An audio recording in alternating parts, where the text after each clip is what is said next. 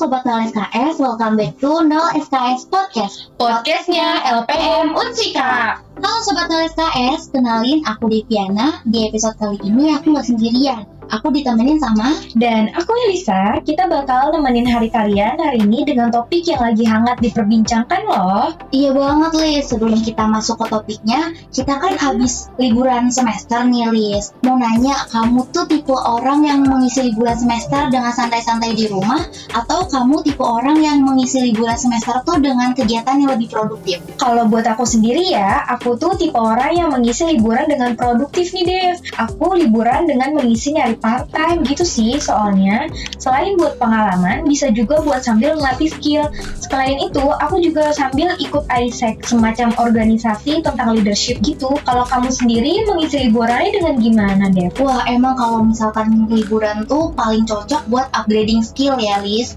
Kalau aku sendiri ngisi liburan tuh dengan cara ngembangin minat sama bakat aku. Contohnya aku ikut kepanitiaan di kampus, aku juga ikut volunteer-volunteer yang bisa mewadahi minat sama bakat aku dan juga dapat feedback, pengalaman, sama dapat relasi yang luas banget, Lis. Wah, kamu juga gak kalah keren sih, bener banget. Pokoknya kita tuh harus ngisi liburan kita dengan waktu produktif biar gak sia-sia banget. Setuju banget, Lis. Nah, kita mau tahu nih kalau dari Sobat 0 SKS, gimana nih cara ngisi liburan? Betul banget, gimana nih Sobat 0 SKS udah puas belum liburan panjangnya? Kalau kita ngomongin soal puas liburan pasti enggak ya, Lis. Karena rasanya tuh pengen santai-santai Betul banget. Nah, kita mau bahas soal Gen Z nih, Lis, yang sering banget dapat stereotype, salah satunya soal mental. Tapi, Lis, sebelum kita masuk ke pembahasannya, gimana sih cara kita bedain generasi per generasi? Kalau menurut aku, Gen Z itu lebih kepada anak-anak yang lahir ketika teknologi udah makin canggih. Ya, kurang lebih mereka tuh lebih sering dipanggil generasi milenial gitu sih. Wah, sama banget nih sama yang aku baca di mkumparan.com kalau Gen Z itu tumbuh di samping perkembangan teknologi digital, internet, sama media sosial, Lis.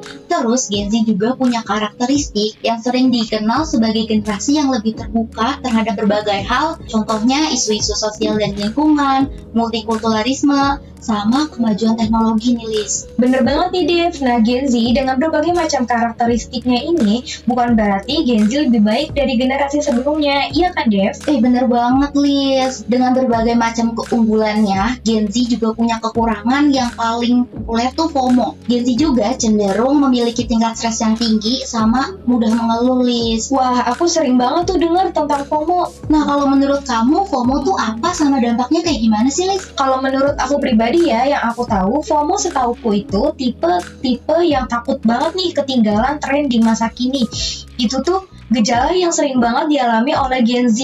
Jadi mereka tuh takut dibilang nggak update lah, nggak gaul. Ya kurang lebih hal-hal yang semacam itu deh. Ih bener banget Lis Aku secara nggak sadar tuh sering banget ngerasain FOMO Soalnya aku sering banget takut ditinggalin Takut gak ada teman Yang bikin aku tuh jadinya ngerasanya harus banget ngikutin sesuatu gitu Lis Kalau kamu pernah nggak sih ngerasa FOMO Lis? Wah, aku juga pernah loh ngerasain FOMO sebagai pengguna sosial media yang aktif. Aku juga pernah loh ngerasain yang namanya cara nggak sadar. Aku sering kali takut untuk ketinggalan berita-berita atau trending yang terjadi di masa sekarang. Ih bener banget Lis Itu kan dampaknya dari perkembangan sosial media ya Lis Nah selain FOMO menurut aku masalah yang dihadapi Gen Z itu ada juga soal finansial yang nggak sih Lis? Wah, ini betul banget sih karena aku relate karena adanya perkembangan teknologi. Jadi ketika kita pengen belanja sekarang, kita nggak perlu nih repot-repot pergi ke tokonya. Sekarang udah ada teknologi yang bisa nganterin barangnya langsung ke rumah. Nah, itu justru jadi masalah baru yaitu masalah bagi Gen Z yaitu boros. Iya nggak sih? Bener banget Lis, kayak aku kalau misalkan lihat ada yang lucu dikit tuh rasanya pengen check out aja gitu Lis. Nah, selain kekurangan yang tadi kita udah sebutin, Gen Z juga punya kelebihan yaitu lebih aware soal mental health. Nah, Gen Z hidup kan di era perkembangan digital yang bikin mereka tuh punya tekanan sosial dan juga menghadapi berbagai macam ekspektasi-ekspektasi dari masyarakat. Itu sebabnya mereka tuh lebih melek soal kesehatan mental dan juga sering mencari dukungan ketika dibutuhkan gitu Lis. Nah, itu berarti kelebihan Gen Z ya kalau menurutku. Mereka mau nyari tahu tentang kesehatan mental mereka. Mereka juga lebih peduli atau lebih aware terhadap apa yang mereka rasakan. Cuma kadang, nggak sering sih, cuma kadang aku tuh sering dengar Gen Z itu dikaitkan sama mental tempe. Iya nggak sih? Kamu pernah dengar gak? Ih, aku pernah denger sih soal mental tempe ini buat sobat 0 SKS yang masih nggak familiar sama mental tempe. Jadi, mental tempe di sini tuh istilah yang digunakan untuk menggambarkan menyebabkan tantangan kesehatan mental yang dialami oleh sebagian besar Gen Z. Nah, kalau sampai ada pemikiran begitu, pasti ada pemicunya yang gak silis sampai-sampai Gen Z ini dibilang mental tempe. Nah, mungkin di sini kalau menurut aku tuh terjadinya misunderstanding atau kesalahpahaman gak sih? Karena Gen Z sering kali aware sama mental health, kita tuh sering dibilang generasi yang dikit-dikit bawa masalah mental lah, meskipun sebenarnya itu tuh hanya berupa stereotype dari beberapa oknum aja. Karena nggak semuanya kayak gitu kan? Bener banget sih Lis, soalnya kan stereotype itu tuh tidak selalu mencerminkan realitas ya Lis.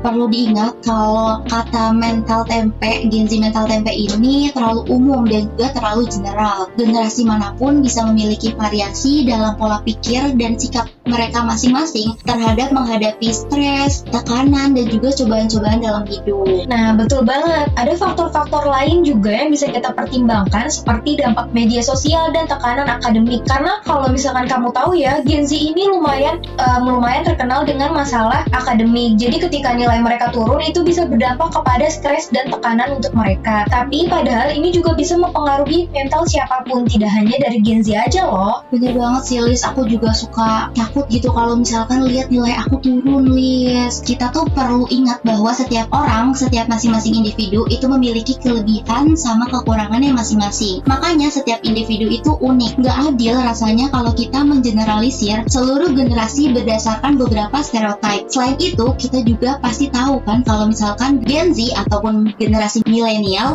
telah menciptakan banyak inovasi digital dan berkontribusi pada perubahan-perubahan dalam kecerdasan teknologi. Wah, aku setuju banget sih bahwa di samping masalah-masalah yang hadapi Gen Z, Gen Z itu benar-benar banyak menciptakan banyak inovasi digital kontribusi pada perubahan-perubahan. Karena ya setelah satunya mereka uh, pengguna aktif media sosial, jadi mereka lebih gampang untuk membuat campaign-campaign seperti campaign uh, peduli mental health dan yang lain-lainnya. Jadi kesimpulannya kita adalah bahwa tidak benar untuk mengatakan bahwa Gen Z memiliki mental tempe secara keseluruhan karena setiap individu memiliki pengalaman dan respon yang berbeda terhadap tekanan dan tantangan dalam hidup mereka. Bener banget nih Lis, jadi mari kita hindari stereotype dan berbicara lebih bijak tentang setiap generasinya. Kalau kamu ada nggak sih pesan atau tips buat Gen Z? Nah, kalau aku ada nih. Kalau menurut aku, pesan untuk Gen Z itu bijak bersosial media. Hal yang harus dilakukan bijak bersosial media adalah yang diterapkan itu di tengah banyaknya berita hoax, berita palsu. Sekarang kan banyak banget ya ketika kita buka Instagram, buka dan yang lain-lainnya, YouTube atau yang lainnya,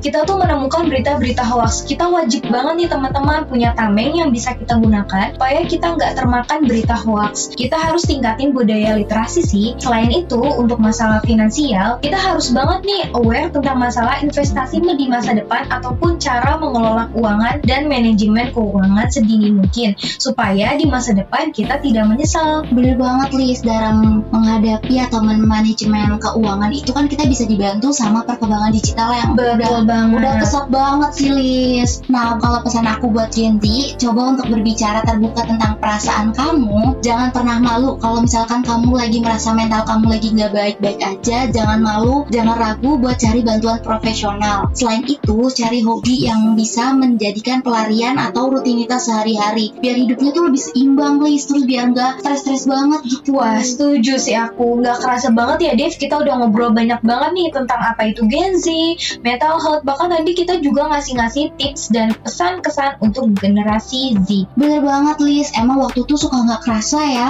Buat Sobat Nol SKS, gimana nih pendapat kalian tentang Gen Z? Atau kalian punya tips dan pesan buat Gen Z? Boleh banget nih ditaruh pendapat kalian di kolom komentar IG Reels LPM Unsika. Wih, iya bener banget nih. Kita nggak sabar untuk diskusi lebih lanjut mengenai pendapat-pendapat dari Sobat Nol SKS ini. Bener banget Lis, buat Sobat Nol SKS, stay awesome dan jangan lupa minum air mineral. Soalnya polusi lagi ada di mana-mana nggak sih Lis? Wah, betul banget nih. Sekarang tubuh kita lagi rentan banget kena penyakit karena virus itu di mana-mana. Jadi untuk kalian sobat 0 SKS, jangan lupa jaga kesehatan kalian dan banyak minum air putih sekaligus vitamin ya. Sampai jumpa di episode podcast 0 SKS berikutnya dengan pembahasan-pembahasan yang pastinya bakal seru banget. Nah sebelum kita tutup, aku ada pantun nih Lis. Apa tuh? Ke pasar beli baju baru. Cakep. Tukang baju zodiaknya Aries. Cakep. Tungguin terus episode terbaru podcast No SKS.